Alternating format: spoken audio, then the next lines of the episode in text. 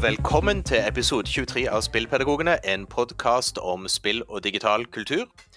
I dag så har vi med oss Halvor, Hallo. Tobias, Hei, hei. Alexander Hei sann. og Magnus. Ja, hei. Og jeg er visst òg med, og mitt navn er Odin.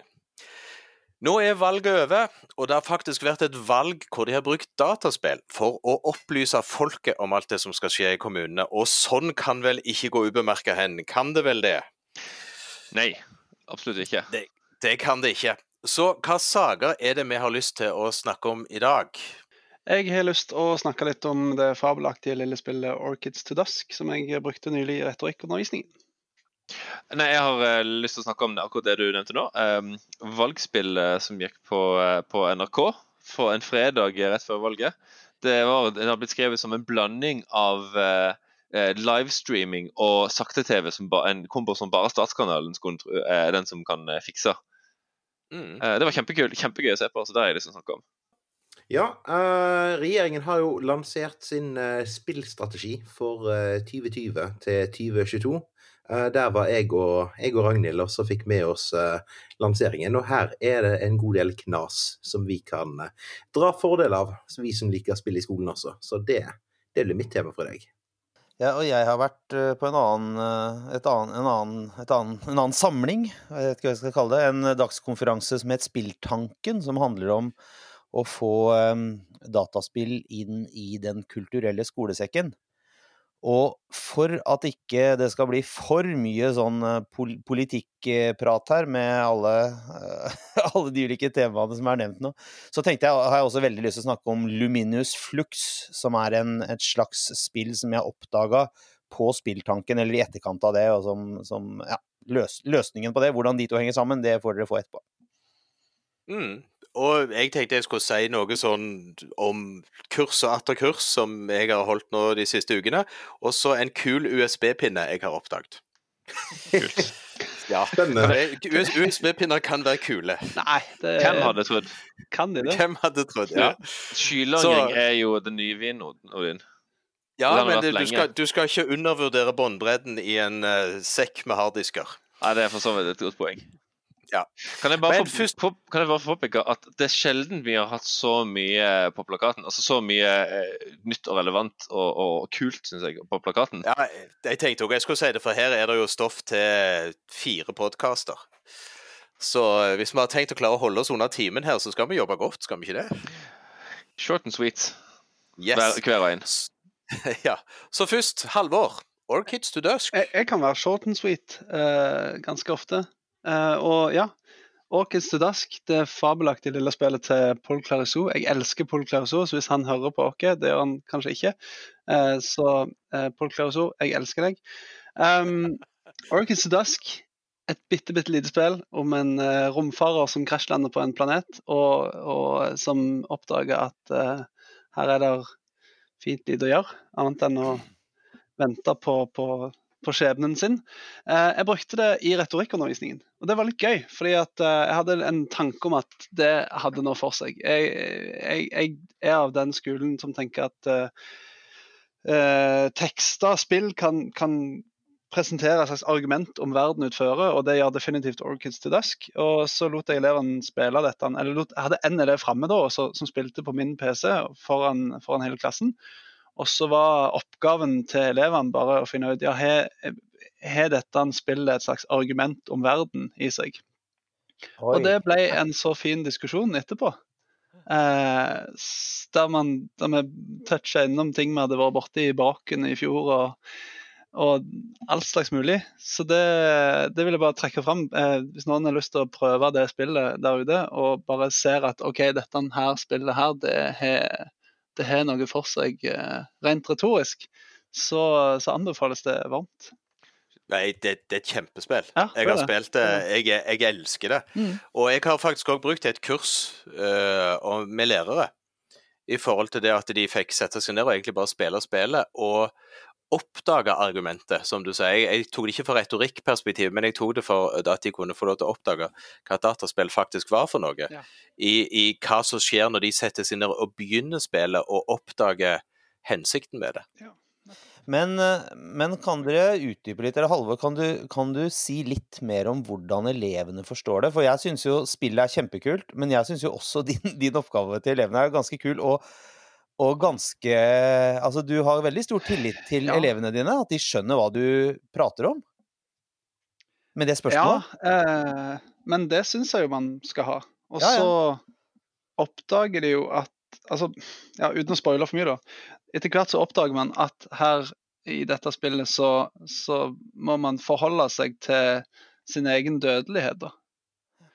Og, og når, når elevene oppdager det, så, så klarer de å trekke ut fra det, i og med at jeg har sagt til dem at på en måte her, her finnes det et argument om verden utføre, så klarer de å trekke ut ganske mye meningsfylte greier eh, ut av det. Altså. Det skal sies at dette er en VG3-klasse, og, og eh, et, Ja, skal jeg Var det utdypt jeg nok? Skal jeg si litt mer? Nei, jeg, jeg er nysgjerrig på hvordan du framer hvordan hvor du framer, altså rammer inn spill eh, for elevene. altså Hvor mye på en måte du serverte opp eh, på forhånd av sånn drøvtygde faglige refleksjoner, eller om du bare, siden de tross alt er VG3-elever, bare kaster de litt uti det.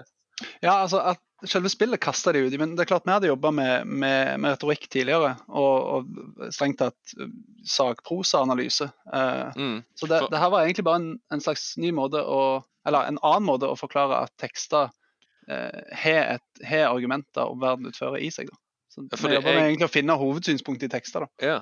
Ja, for jeg har nettopp jobba med Jeg tror jeg, du jeg ligger nok så virker som vi ligger ganske litt. For jeg har jo just jobba med retorikk i VG3 av nettopp sammensatte eh, sakpros, altså sammensatte sakprosatekster. Ja, ja, ja. Men nå, nå fikk jeg Jeg var litt i beit for og, og noen spennende ting å gjøre i morgen. Og nå tror jeg faktisk jeg Ah. skal stjele dette opplegget ditt. du, du, it. Eh, jeg har ikke spilt spillet, så det blir jo en helt ny opplevelse for meg. Ja, men ikke, ikke gjør det, og så bare møt det med elevene. Mm, Åh, er det, Oh, ja, det- og det er kult. Ja, det må du gjøre. Ikke spill det. nei, det tror jeg Spill faktisk sammen med elevene. Hvor lang tid tar det? ikke spill. Ja. Eh, Det tar fem minutter. Seriøst? Ja, fem, ja. OK, sju, minutter. Ja, men, det er jo genialt. Ja, Det skal jeg, det skal jeg gjøre. Uh, altså, argumenterer vi her for at uh, vi skal komme inn i klasserommet og være så lite forberedt som mulig, at det er veien å gå med spill i skolen? Er det- Akkurat i dette tilfellet, en ny ja. her, eller? Ja, akkurat dette spillet. Stol på oss. Ja, Vi har ja. spilt det. Ja. Ja, ja, ja. Dere, dere går glipp av en fin opplevelse sammen med elevene. Mm. Ja, men det skal jeg pigge deg gjøre. Takk for tipset. Sweet. Ja. Det var short and sweet fra meg. Det var short sweet. Da hiver jeg meg på om at jeg skulle snakke om kurs etter kurs. og Det er for så vidt ikke så spennende å snakke om, men jeg, jeg har eh, allerede denne, de to siste ukene holdt tre kurs om læringsbasert spilling for uh, studenter eh, på praktisk pedagogisk utdanning, og for lærere, og for uh, Hva var det? Ja, for Kompetanse Norge. Eh, og det er alltid kjekt å få ulike erfaringer og, og, og høre hva tilbakemeldinger disse ulike gruppene spesielt gir i forhold til hva de ser at de kan bruke spill i forhold til. Så, men egentlig det er nok om det, for det jeg har lyst til, i forbindelse med det, så er det jo da denne kule USB-pinnen min. Uh, så så jeg får ikke lov å le av den. Uh, fordi at jeg satt og tenkte Fordi Halvor og meg skal på torsdag Nå sitter vi og spiller inn på en tirsdag. Så skal vi på Knowhow Edtech og holde enda et kurs om læringsbasert spilling. Yes. Og så har vi lyst til å prøve å dra med de som faktisk kommer. Og da tenkte vi hvordan distribuerer vi Windows-spill til plutselig folk som skal sitte og være på et kurs? Jo, du ber dem om å ta med en Windows-maskin, og så har du en liten sekk med USB-pinner. Aha. Ah, og de USB-pinnene de eh, har ikke installerbare utgaver, men det er de spiller f.eks. Keep Talking and Open Explodes, som da bare ligger i en mappe som du kan starte direkte fra USB-pinnen. Der har vi Gone Home, der har vi Orchids to Dusk, der har vi eh, egentlig alle sånne små, kjekke spill. Faktisk Her Story òg, som da alt ligger på én minnepinne. Og egentlig det er et sånn, fant jeg ut at det er egentlig en veldig kjekk distribusjonsmåte for en god del spill. En minnepinne på 16 gigabyte koster 40 kroner nå.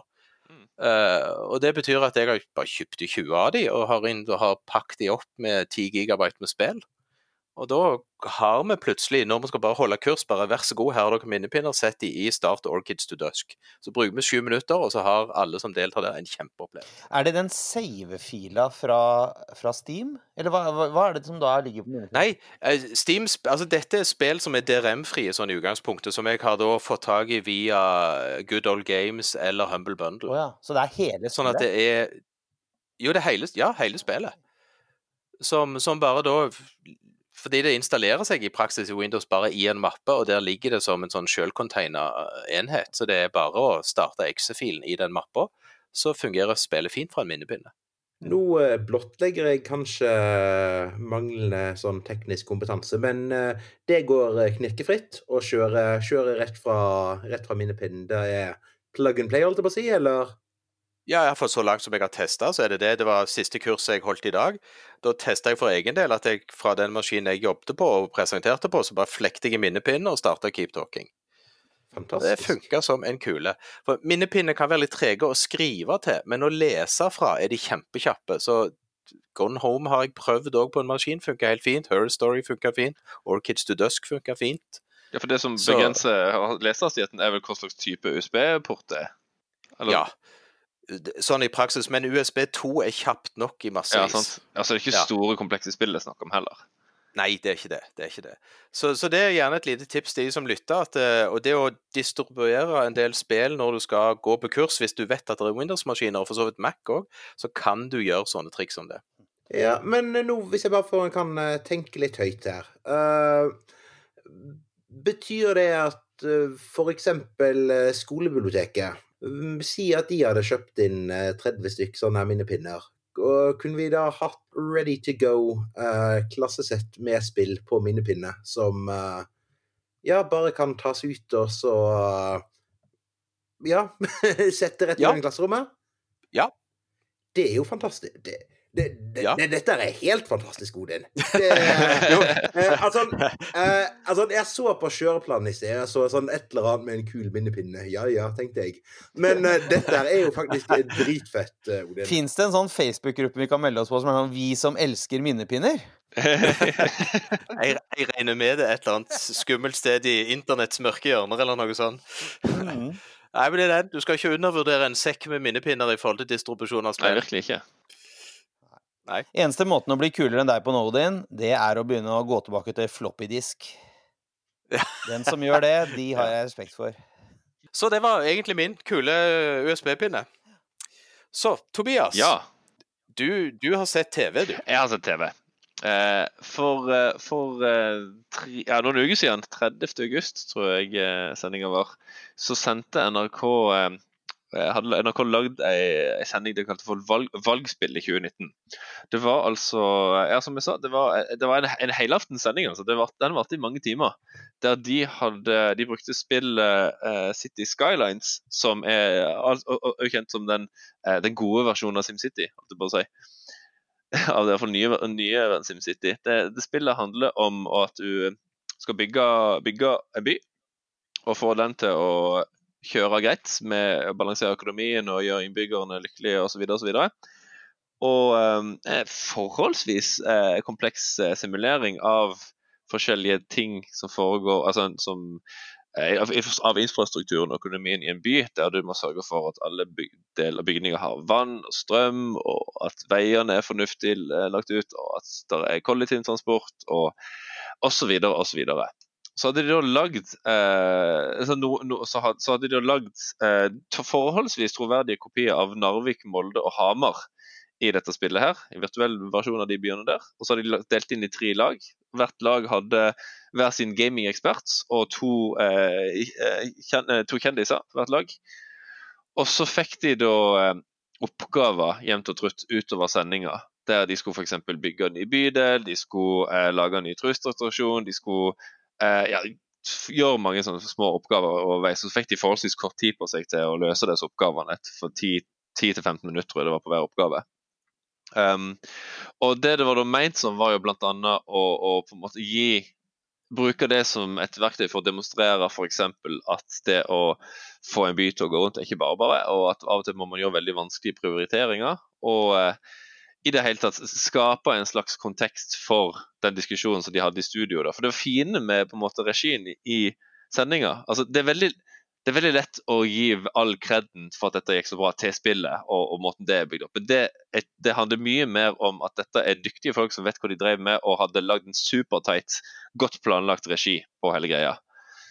Um, fordi at de hadde ikke bare disse gamingekspertene på, på, banen, men de hadde en dyktig programleder, og de hadde eh, både fast, faste, et, et, et, fast panel som fulgte de eh, under hele sendinga, bl.a. Sigrid Solund satt i det panelet. Og så hadde de òg eh, Erna Jonas inne på banen på et tidspunkt, som til og med var med og løste en oppgave. Og de hadde andre kommentatorer underveis som, som hadde ekspertise på eh, det som var oppgaven, da, f.eks. økonomi og en del sånne ting.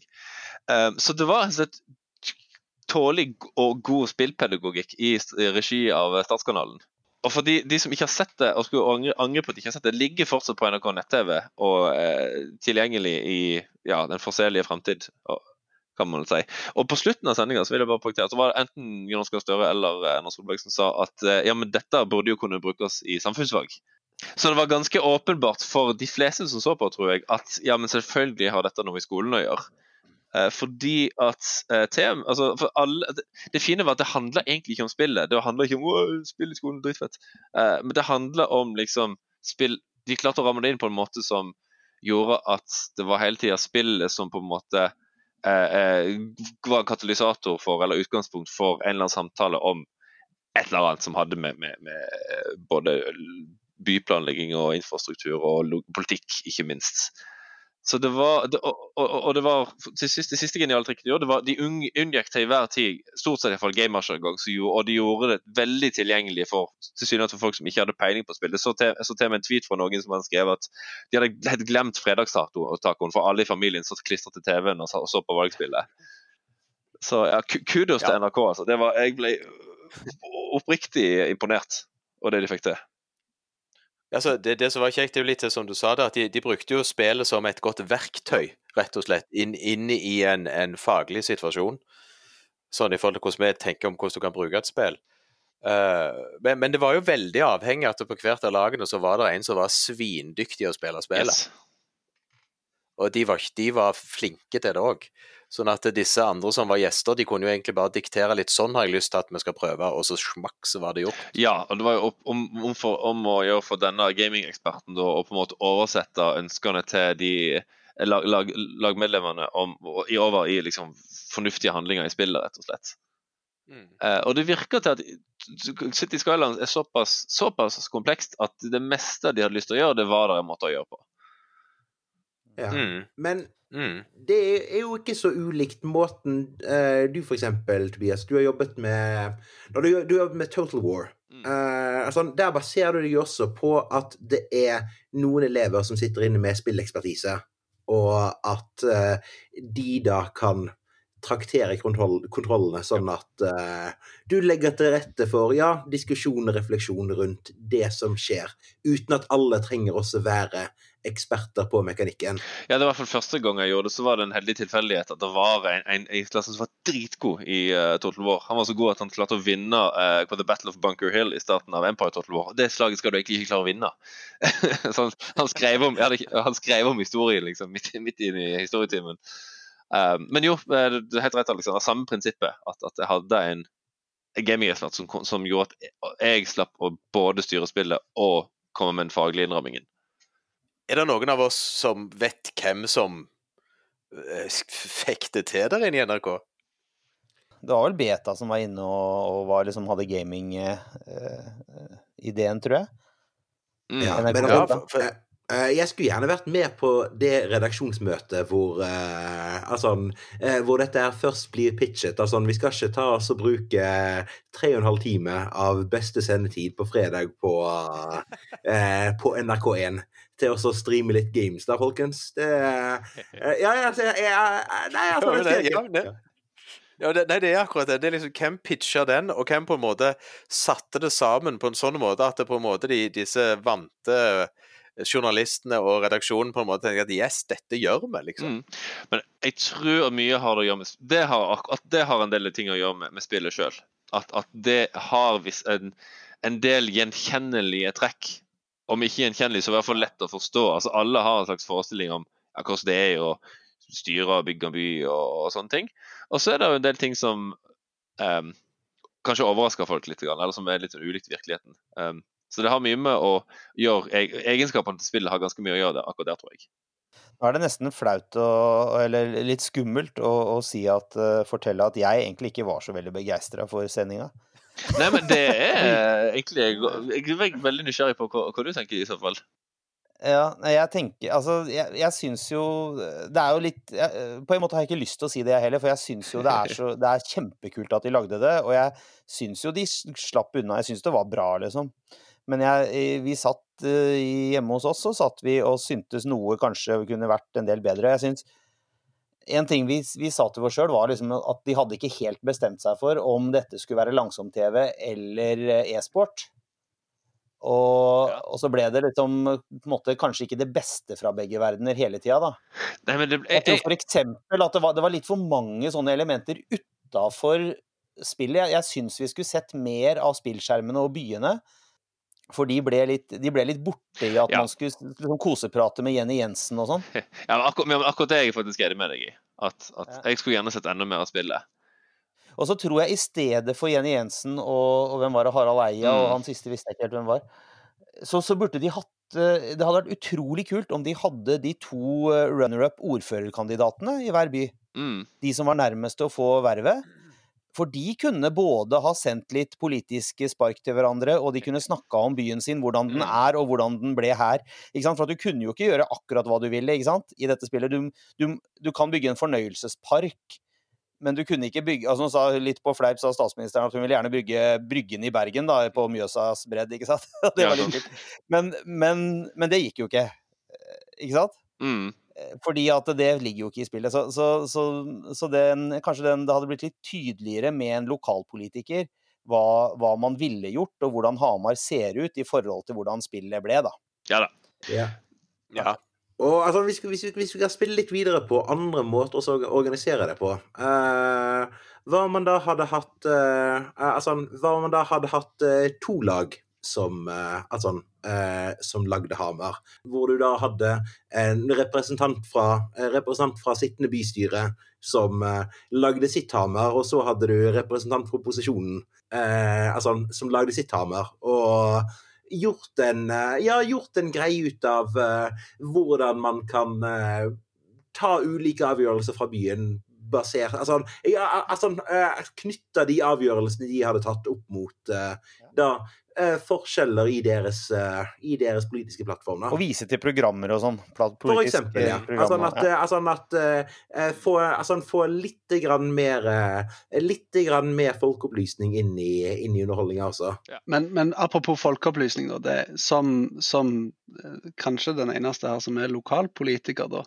De der gigantinvesteringene som man gjør i City Skylines det er jo det, Altså, er, det er jo, kan jo fort bli sånn at man eh, ja, lover mye, holdt på å si. Nå fikk jeg dessverre ikke sett dette programmet, men det er klart sånn hvis man skal bygge store, stor infrastruktur, så, så tar jo det lang tid og krever ganske store prosesser, da. Så det blir jo uansett det, det blir på en måte Folkeopplysningsbiten her blir jo mm. begrensa uansett. Men det, ja, men altså, akkurat den biten reflekterte de ganske godt, uh, godt rundt underveis. Ja, de gjorde faktisk det. Eh, altså, det, det, er litt sånn samme tankegang som når jeg bruker Civilization i min undervisning. Så eh, litt av det ja, læring, læringen handler om, det er å identifisere hvilke aspekter ved denne simulasjonen av virkeligheten er det som er mer eller mindre realistisk. Og, altså, ja, ja. Eh, den løpende dialogen på ja, dette gjør vi nå, men dette her kunne selvfølgelig ikke ha blitt gjort på mm. dette, altså, innenfor dette her, denne tidsrammen her, sant? Ja, det var noe både Sigrid Sollund påpekte ganske ofte det, at ja, spiller noen ting rett, men husk at altså, her går, det å bygge ting går fryktelig fort. altså Det går ikke umiddelbart. og husk da de skulle på et tidspunkt skulle bygge en ny bydel, så var det noen som lagde mitt boligfelt et stykke utenfor bykjernen. Og da fikk de plutselig et problem med at oi, plutselig var det masse folk som skulle til og fra jobb langs en veistrekning som ikke var bygd for den kapasiteten. Og da var Erna Solberg kjapp på banen og sa ja, nå ser vi at altså, skal du gjøre noe inngrep i en by, så ofte så bruker du den plassen du allerede har bebyggelse, og river noen gamle bygg, eller istedenfor Mm. plutselig bygge en helt ny by. Det var mye mer komplekst. Og så fikk de i tillegg kjeft for at de gravde opp matjord tilsynelatende. Det, det laget som gjorde det. Oh. Um, ja, men så, så men alt i alt um, Så hvis, hvis noen fra NRK hører på nå, er spillpedagogen uh, tilbyr konsulenthjelp, bare så det er sagt. Neste, til neste gang. Altså, hvis, de har, hvis, de har, hvis de har hørt på, så har de allerede fått gode ideer til neste gang. Ja, ikke sant? tenker jeg. Altså, men, men det er derfor jeg syns jeg synes jo selve tiltaket til NRK er jo helt fabelaktig. Ja, det at de setter seg ned, tar et spill og, og promoterer det såpass de gjør, også som valgspillet. Mm. Det, for det var, det var jo faktisk oppe i mainstream media i forhold til at de kom til å gjøre dette. Så de, de profilerte Mm. Veldig. det faktisk som en, en stor del av valgsendingen sin. Og det kan være tilfeldig, men akkurat den kvelden så lå City Skylands på nummer to eller tre på toppselgerlista på Steam. I hvert fall lokalt. Jeg tror ikke det var tilfeldig. Nei, jeg tror ikke heller. men vi må vel nesten videre Yes. i programmet. Ja, og da er det jo for så vidt uh, vel du, Aleksander, som har uh, vært og hørt på, på regjeringen. Ja, jeg har, eh, jeg har hørt på godeste kulturministeren vår, Trine Skei Grande. Hun var nemlig i Bergen nå for, eh, nå, eh, nå for et par ukers tid siden for å lansere regjeringens spillstrategi eh, 2020 til 2022. Og der Altså, bare det at vi har en regjering som lager en spillstrategi, syns jeg er ganske stilig. Det at de velger å legge det til eh, Norges spillhovedstad, altså Bergen, når de da skal legge den her fram, syns jeg også er, synes også, synes også, er, også er helt fantastisk. Og selv om det ikke var så mye i denne her strategimeldingen som angår skolen direkte, så, så er det likevel en del her som, eh, som kan, være, kan være verdt her å ta tak i. Og ikke minst da med eh, måten kulturminister, kulturministeren vår starta denne her prestasjonen, eh, prestasjonen på. Det er sånn det hun sa i løpet av, i løpet av det første, første minuttet. Krystallklart og tydelig. Spill, det må anerkjennes som et eget kunst- og kulturuttrykk.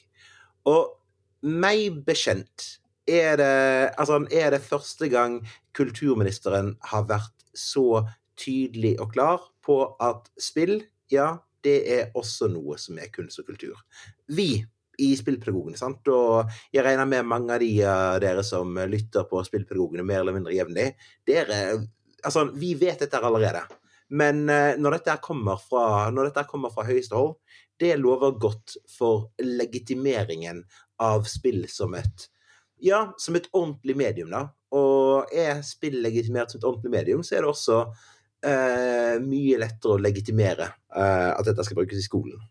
Eh, altså, altså, altså, jeg, kan, jo bare ta et par andre, par andre momenter som jeg syns var, uh, var, var, var særlig eh, særlig ålreit å, å ta med. Også, sånn, og det ene er jo, er jo denne nysatsingen til Kulturtanken. Det er da tidligere, altså tidligere Den kulturelle skole, skolesekken, hvor de uh, har som mål om at de skal satse mye mer på spill nå i tiden framover.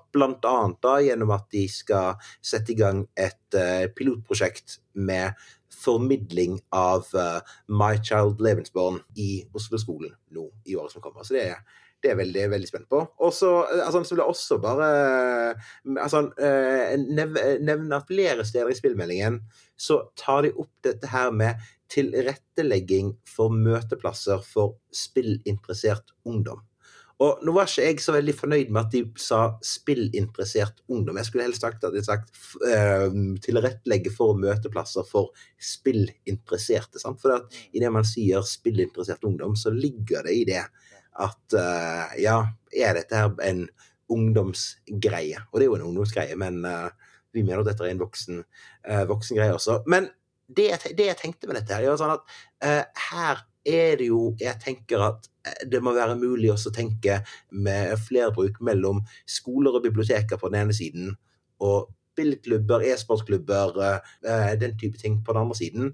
Hvor kanskje en av de veiene man kan gå for å få bygget opp bedre infrastruktur på spilling på skolen, det er gjennom samarbeid mellom skole og fritid, hvor man kan, altså, altså, hvor man kan ha spillrom på skole- og bibliotekene, som da kan gjøres tilgjengelig for ungdom på kvelds- og helgetid, men som da også kan brukes eh, i pedagogisk sammenheng i, eh, eh, i skoletiden. Sånn at her Det er det Kjempebra poeng. Ja.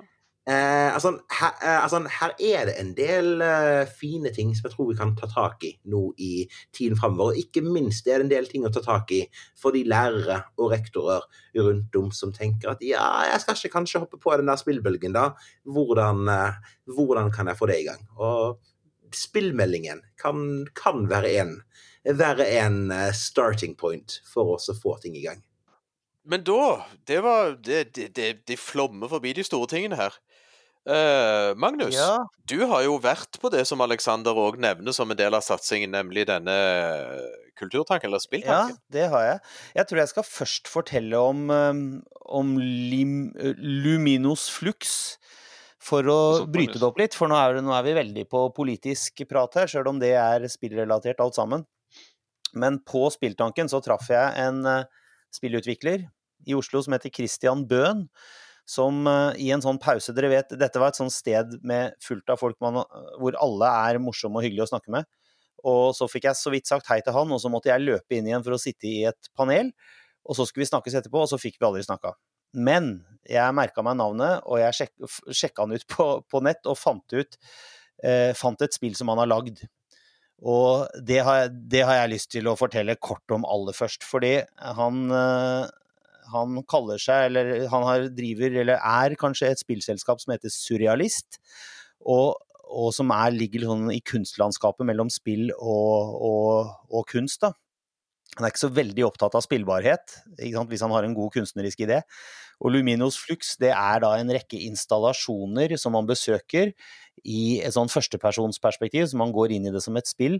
Og så um, er det eh, så intenst med sånn eh, strobelys og ditto-lyd at de faktisk advarer mot det på forhånd, at du kommer til å bli litt, eh, kan bli litt sjuk og dårlig av dette her. Og så skal du utforske en del sånne installasjoner der inne. Og det, og det er et slags spillteknisk Eller det, er, en, det er et slags puzzle game òg. Du kan komme deg gjennom det og ut igjen på andre sida hvis du finner noen nøkler og noe sånn. Men det er på en måte veldig fokusert på opplevelsen, da. Og det er ubehag som er greia. Så, så jeg, har, jeg har begynt å spille det litt sjøl. Det må gjøres i korte, i korte sånne eh, ned, altså sit-downs, eller hva det heter for noe, i eh, perioder. Jeg trodde jeg hadde spilt det ganske lenge da jeg, da jeg var helt sliten i huet første gang og gikk ut, og da hadde det gått tolv minutter, så jeg på, på den der counteren. Men eh, jeg anbefaler folk å se på det for å, for å få et inntrykk av noe som er eh, i grenseland mellom spill og noe annet. Så det, det kan være et eh, men, men det er også et eksempel på en type, type deltaker som var der, da. For Spilltanken var altså en endags konferanse. Eh, arrangert av det som heter Kulturtanken, som, som lager eller organiserer Den kulturelle skolesekken. Og det handla om hvordan kan vi få spill inn i den ordningen. Og det morsomste, og som dette møtet mitt med han Christian er eksempel på, det morsomste er, var hvor mange forskjellige typer folk, og, og, og, hvor, og som representerte ulike eh, måte eh, institusjoner og aktører som var der, for det var veldig mye forskjellig. Da. Og, og det gjorde også at det ble litt sånn ufokusert på en måte, men, men i, i eh, kreativitetens ånd, da. Så der var det da utviklere, det var lærere, det var eh, folk som jobba i Den kulturelle skolesekken eller i kulturskolen. Var flere representanter for kulturskolen. Eh, og det var folk i et sånt grenseland. Da det var han, han Christian lager jo da ting som er sånn nesten spill, men ikke helt spill. Og jeg møtte også hun eh, en som jeg kjenner fra før, hun Ragnhild Hutchinson, som har lagd den eh, Oslo havn fra 1700-tallet.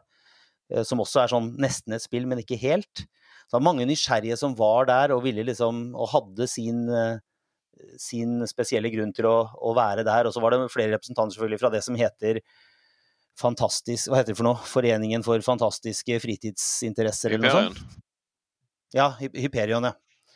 Eh, som, eh, som også var godt representert der. Så det, det var en utrolig morsom, eh, morsom konferanse, altså. Og en, og en veldig spennende, spennende mandat selvfølgelig for spill skal da inn i Den kulturelle skolesekken. Og jeg lærte der at det er over 500 millioner kroner i potten. Ikke til spill, men til hele opplegget. Og det er over Jeg tror det var 4000 kunstnere av ulike slag som engasjeres. Og 800 000 elever som, eh, som de møter da eh, hvert år. Så det var jammen meg større enn jeg Jeg har bare vært sånn Jeg er lærer som bare har liksom fått besøk av dem av og til, uten å vite noe mer om det, men, men det er en ganske stor organisasjon. Og representert i alle fylker. ikke sant? Det er veldig, veldig mye av det skjer på fylkesplan. Jo, jo, men det, jeg var heller ikke klar over at det var så stort. Det har jeg ikke tenkt på. Gigantisk, altså. Ja.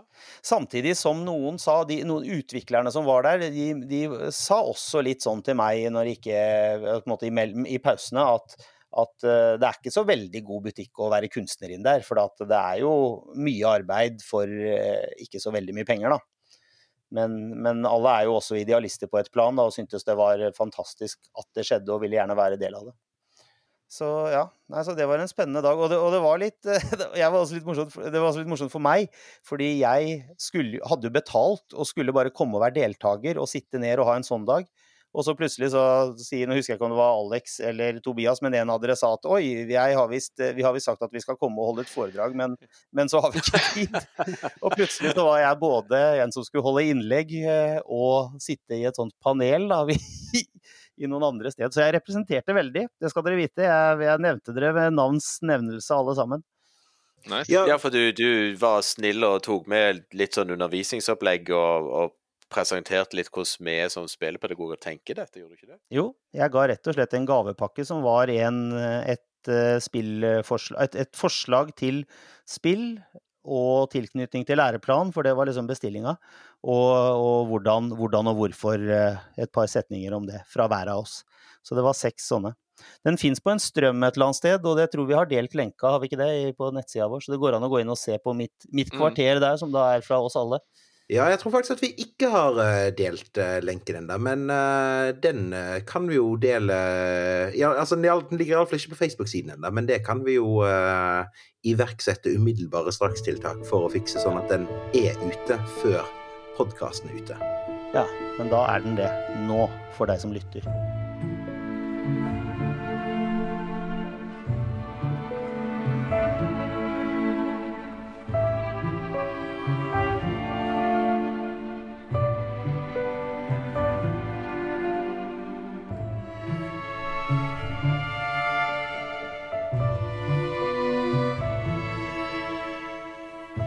Du verden, vi er så kjappe.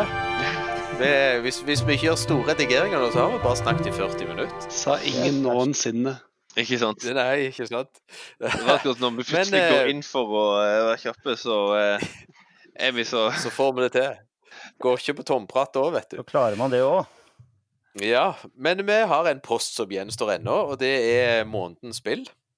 Og der har vi jo eh, Egentlig så, så satt jeg og tenkte at selvfølgelig Orchids to Dusk er jo noe alle må spille, og det er gratis å laste ned.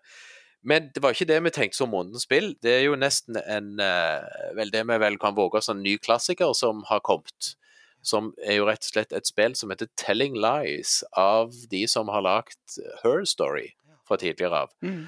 Og der er det vel trygt å si at det er du, Halvor, som er mannen som ikke skal røpe noe nå? Ja, uff, det der ble vanskelig, kjenner jeg. Men uh, ja, en kan jo prøve. Ja, altså, med, med, for, for, de ukjente lytterne, hva slags spill er Her Story? Ja. Som er det første disse lagde. Mm, ja. Her Story er laga av han godeste Sam Barlow, som sto bak uh, Silent Hill-spillene. Og så er det ikke Silent Hill i det hele tatt. Det her, Her Story er et spill som setter deg foran en datamaskin. Og så får du tilgang til en database med videoer. Uh, og så begynner spillet der du søker. Så du søker etter sånne nøkkelord, og så ser du videoer. Og så uh, ut ifra det, det, du oppdager i disse videoene, da, så kan du søke videre. Og så flytter du deg inn i en historie på en ikke-lineær og, og eh, måte, da, som, som, gjør at du, du, finner ut hva som skjer litt etter hvert. da, Ut ifra hva du, hva du sjøl søker på. Du blir sittende med notatblokk og drive og, og, og skrive ned eh, nøkkelord etter hvert. og sånt. Det er kjempegøy i klasserommet, fordi at det er rett og slett en annen måte å lese en historie på. Og ja, elevene syns det er kjempegøy. Og så kommer jo oppfølgeren nå, da. 'Telling Lies'. Som eh, Og skal jeg prøve å ikke avsløre noe nå? OK. Ja, men- eh, nei, det er mm, Ja, det er bare en mer kompleks eh, versjon av Her Story.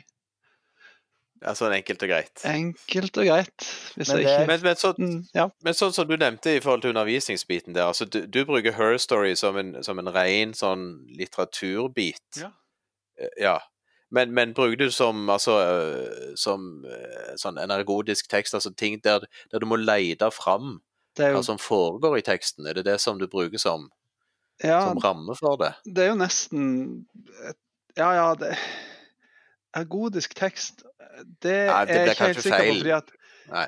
det her er jo òg sånn i grensene for hva man kan kalle spill. da, for eh, I den grad man tar valg i dette spillet, så er jo det basert på de ordene, eller det man finner ut man vil søke etter. da, Men så, så er det jo en ja, Men, jeg det, for, å, men for, Ja, å, for å på en måte finne de rette søkeordene, så må du på en måte engasjere deg mentalt og aktivt med narrativen og fiksjonen, liksom. Hvis Det ikke, må, så er det det, ja, hvis ikke så er det umulig å finne fram til de rette søkeordene. Og Det er jo det som er så gøy i klasserommet, at når, når elevene finner ut at oi, å shit, her er det fem ting vi skulle ha søkt etter, nå venter vi bare til å komme til neste søkeord, så ser du fort at engasjementet eh, i forhold til å lese en tekst går veldig, veldig opp. Da. Og Eh, så og s- får du jo ikke så får du, du, kommer, du kommer ikke gjennom de fem søkeorda, for det dukker jo opp nye ja. mens du, mens du liksom ser gjennom de fem. Mm. Så det blir Ja. jo en ganske u, usystematisk scrolling. Jeg, jeg, synes, jeg har også spilt en, en god del inn i Telling Lies, og jeg har spilt så mye i Her Story at jeg tror jeg, tror jeg fikk hele historien, men det vet man jo heller aldri helt. Nei. Eh, og Eller man vet det i Telling Lies, da. I, Ja, ok, ja, det vet man I, kanskje. eh, I Her Story, Magnus, at sånn, så eh, Selv når du tror at du har fått hele historien, eh, så er Altså, ved mindre du er en uh, vesentlig bedre leser enn meg, og det kan det godt hende at du er, Uh, så uh, for meg i alle fall, det tok ganske mange gjennomspillinger før jeg kom til et punkt hvor jeg følte at OK, nå ja. har jeg hele historien, eh, Ja. ish, i alle fall. Ja. Telling Lies er vel, er vel uh, mer forgreina i, den- i den forstand. Jeg har ikke spilt uh, gjennom ennå, men jeg, jeg, jeg forstår det sånn på de som har spilt gjennom, at det er litt ulike plasser man kan ende opp. da. Eh, men man ender opp en plass eh, i, i det spillet. Um, men jeg, jeg har noe atterhold til, til Telling Lies. Jeg tror det er litt komplekst og litt vanskelig å, å bruke i klasserommet. Uh, Ja, altså, Ja, altså, telling, telling lies vil være vanskeligere å ta inn i klasserommet enn det Her Mm, Story jeg tror det. Jeg tror det. Eh, Altså, fordi at det er um, At det tar lengre tid å Jeg regner bare, no, nå, nå, altså, Jeg har jo ikke spilt den, da, men basert på det jeg har sett av uh, Sett av sånn trailere og sånn til det nå, så det virker jo som et mer omfattende spill, og der- dermed også noe som vil ta mer tid å komme seg gjennom i klasserommet. Ja, altså notatblokka mi er vesentlig større denne gangen, eh, for å si det sånn. Og det gjør jo at eh, det er klart, hvis, man, hvis, man setter, hvis man går inn for å jobbe med dette spillet som, som en, litteraturopplevelse og bruker eh, en måned på det, så ja, kjør på, tenker jeg. Jeg skal ikke være den som sitter her og sier at man ikke skal bruke dette spillet i, i klasserommet, men jeg tenker det er komplekst. da. Det, er- det, noen, det, det, skal jobbes med for at det På en funke. måte har jeg litt følelsen av Telling Lies altså det, er jo det, det er jo spill nummer to av denne innenfor denne, dette liksom konseptet. Og det er vel kanskje også litt sånn lagd for de som har spilt Her Story og vil ha mer. Ja. For, det, for det, det, har, det har den, de eh, tingene som Her Story har, og så har det en enda større kompleksitet. Mm. Og én ting som er veldig intriguing, som er veldig spennende eh, Vi skal ikke spoile noe her, men dette, dette ser man med en gang. Så jeg, jeg kan fortelle det. Pass deg nå. Som er bare en forskjell mellom Her Story og Telling Lies. Så ja er det at én forskjell. Hmm? Ja. Én forskjell er at du i Telling Lies så ser du speilbildet av den personen som søker, altså som er deg, Mm. i skjermen. Nei, nå har du spoila alt. Nei da. Har jeg det? Nei, du er ikke det. I det hele tatt. jeg håper ikke det. Men det, det ser man jo med en gang. Og så lurer man jo på Jeg har jo ikke spilt så veldig langt, men så, så lurer jeg jo på hvem og hva og du Ikke sant. Og du blir av og til minnet på det, og så glemmer du det litt. For at det er jo veldig, det er ikke så veldig synlig, men du ser det jo. Ikke sant? Ja. Det var det, det var det første jeg la merke til når jeg starta spillet. Ja, ja. At, at det her er det en forskjell, for her står jeg med at du, du er en person som har gått ned og satt deg foran denne skjermen på en helt annen måte enn i Her Story. Mm. Så jeg òg er jo litt på den. OK, Så det der nå, med når, Nå, nå, trekker de det kortet? Ja, så, så, så, så, som norsk, eller som litteraturlærer, da, kan du si, så, så, så, så, så blir det komplekst å snakke om hvem, hvem jeg-personen er, da. Ikke sant? På en litt, litt annen måte. Mm. Det er sant. Det er et- et eksempel på en større kompleksitet. Så, så sånn sett, anbefalingen for oss er jo egentlig gå ut og prøv. Har du ikke prøvd Her Story, så gå for det. Og Telling Lies er en god oppfølger. Definitivt. Og det kan vi òg, som, er- som er viktig å si i forhold til Her Story Her Story finnes jo nå til absolutt vel alle plattformer der ute. På mobiltelefon og nettbrett og Switch og PC og Mac og hva det skal være. Ja, og Her Story er også et veldig greit starterspill eh, til å ta inn i klasserommet. Vi har vel noe altså Det ligger minst ett opplegg knytta til det spillet på, på hjemmesiden til, eh, til spillpedagogene. Når jeg har brukt det med, med mine elever, iallfall sånn, Nå er jeg ikke helt sikker på om, om, om det er det samme du har gjort, Halvor. Eh, Altså, så, så har vi spilt spillet med kun én utgave av spillet. Altså at vi har spilt det på stor skjerm. Ja. Og så, ja, så har elevene sittet sittet med sine notatblokker. Eh, ja, prøvd også å deschiffrere historien da, delvis i grupper og delvis i fellesskap. Og det er et Altså, det er en veldig fin sånn felles litterær opplevelse, sånn som jeg ser på det. Mm. Jeg har, hatt, jeg har hatt en liten idé når vi snakker om, om, om samspilling i klasserommet, som er en av mine favorittmåter å spille sammen på. Fordi at um, jeg vet ikke, Det skaper denne fellesskapet i klasserommet osv. Jeg har hatt lyst, lyst, lyst til så, jeg, et par ganger i måneden bare bruke en halvtime til kvarter på at jeg og elevene mine bør spille et nytt sånn halvveis random spill fra lista mi på Steam. Av liksom narrativ eh, av natur, da, og bare spille det i tre kvarter og snakke sammen. Ja, ja, hva syns vi om dette her, liksom? Trenger ikke spille det ferdig, men bare få sånn spill, spillsmaking, som vi kanskje kaller det. Ja, s- Spiller du da på storskjerm? Nei, nei jeg, har ikke, klassen, jeg har ikke gjort det Jeg har bare hatt, hatt lyst til å gjøre det, bare for å utvide horisontene Sånn- eller, eller noe sånt. Mm. Ikke noe faglig fokus nødvendigvis, annet enn at nå skal vi snakke sammen om det vi ser. Og, Ja. Ja. Sånn, sånn digger jeg. Mm. Sånn digger jeg. Hadde jeg hatt elever i år, så hadde det hadde stått på timeplanen. Uansett fag. mm. Vi bruker en time på å spille spill, samme hva. Ja. Så skal vi snakke om det. Så skal jeg eh, eh, uforberedt uh, Det så så å si uforberedt kaste meg uti uh, tipset til Halvor nå i morgen. Ja, åh, Ja. det må du, Og- det må og- du det ja, det må vi få høre om neste podkastepisode. Hvordan, hvordan det gikk. Ja. Mm. Og med det som uh, avrunding, da, Ja. så er det jo egentlig gå og spille Her Story Telling Lies og Orchids to Dusk, og så får vi leve i spenning til neste episode om hva, Halv, hva, hva Tobias da har oppdaget. Mm. Og det gleder iallfall Halvor og meg oss til. uh, og i mellomtiden så får dere følge godt med på Facebook-sidene våre og bloggen vår og alt, og skulle tilfeldigvis noen være innom uh, Ja, det rekker det ikke. Uh, hvis dere er innom på Knowhow Edtech på torsdag i Stavanger, så si hei til Halvor og meg, og hvis dere har sagt hei til oss da, så var det hyggelig at dere gjorde det. Takk for at dere sa hei. Det var gøy. Takk for at dere sa hei. Ja. Så med det så sier vi takk for oss, og ha det bra i dag. Ha det Ha det bra. bra. Ha det bra!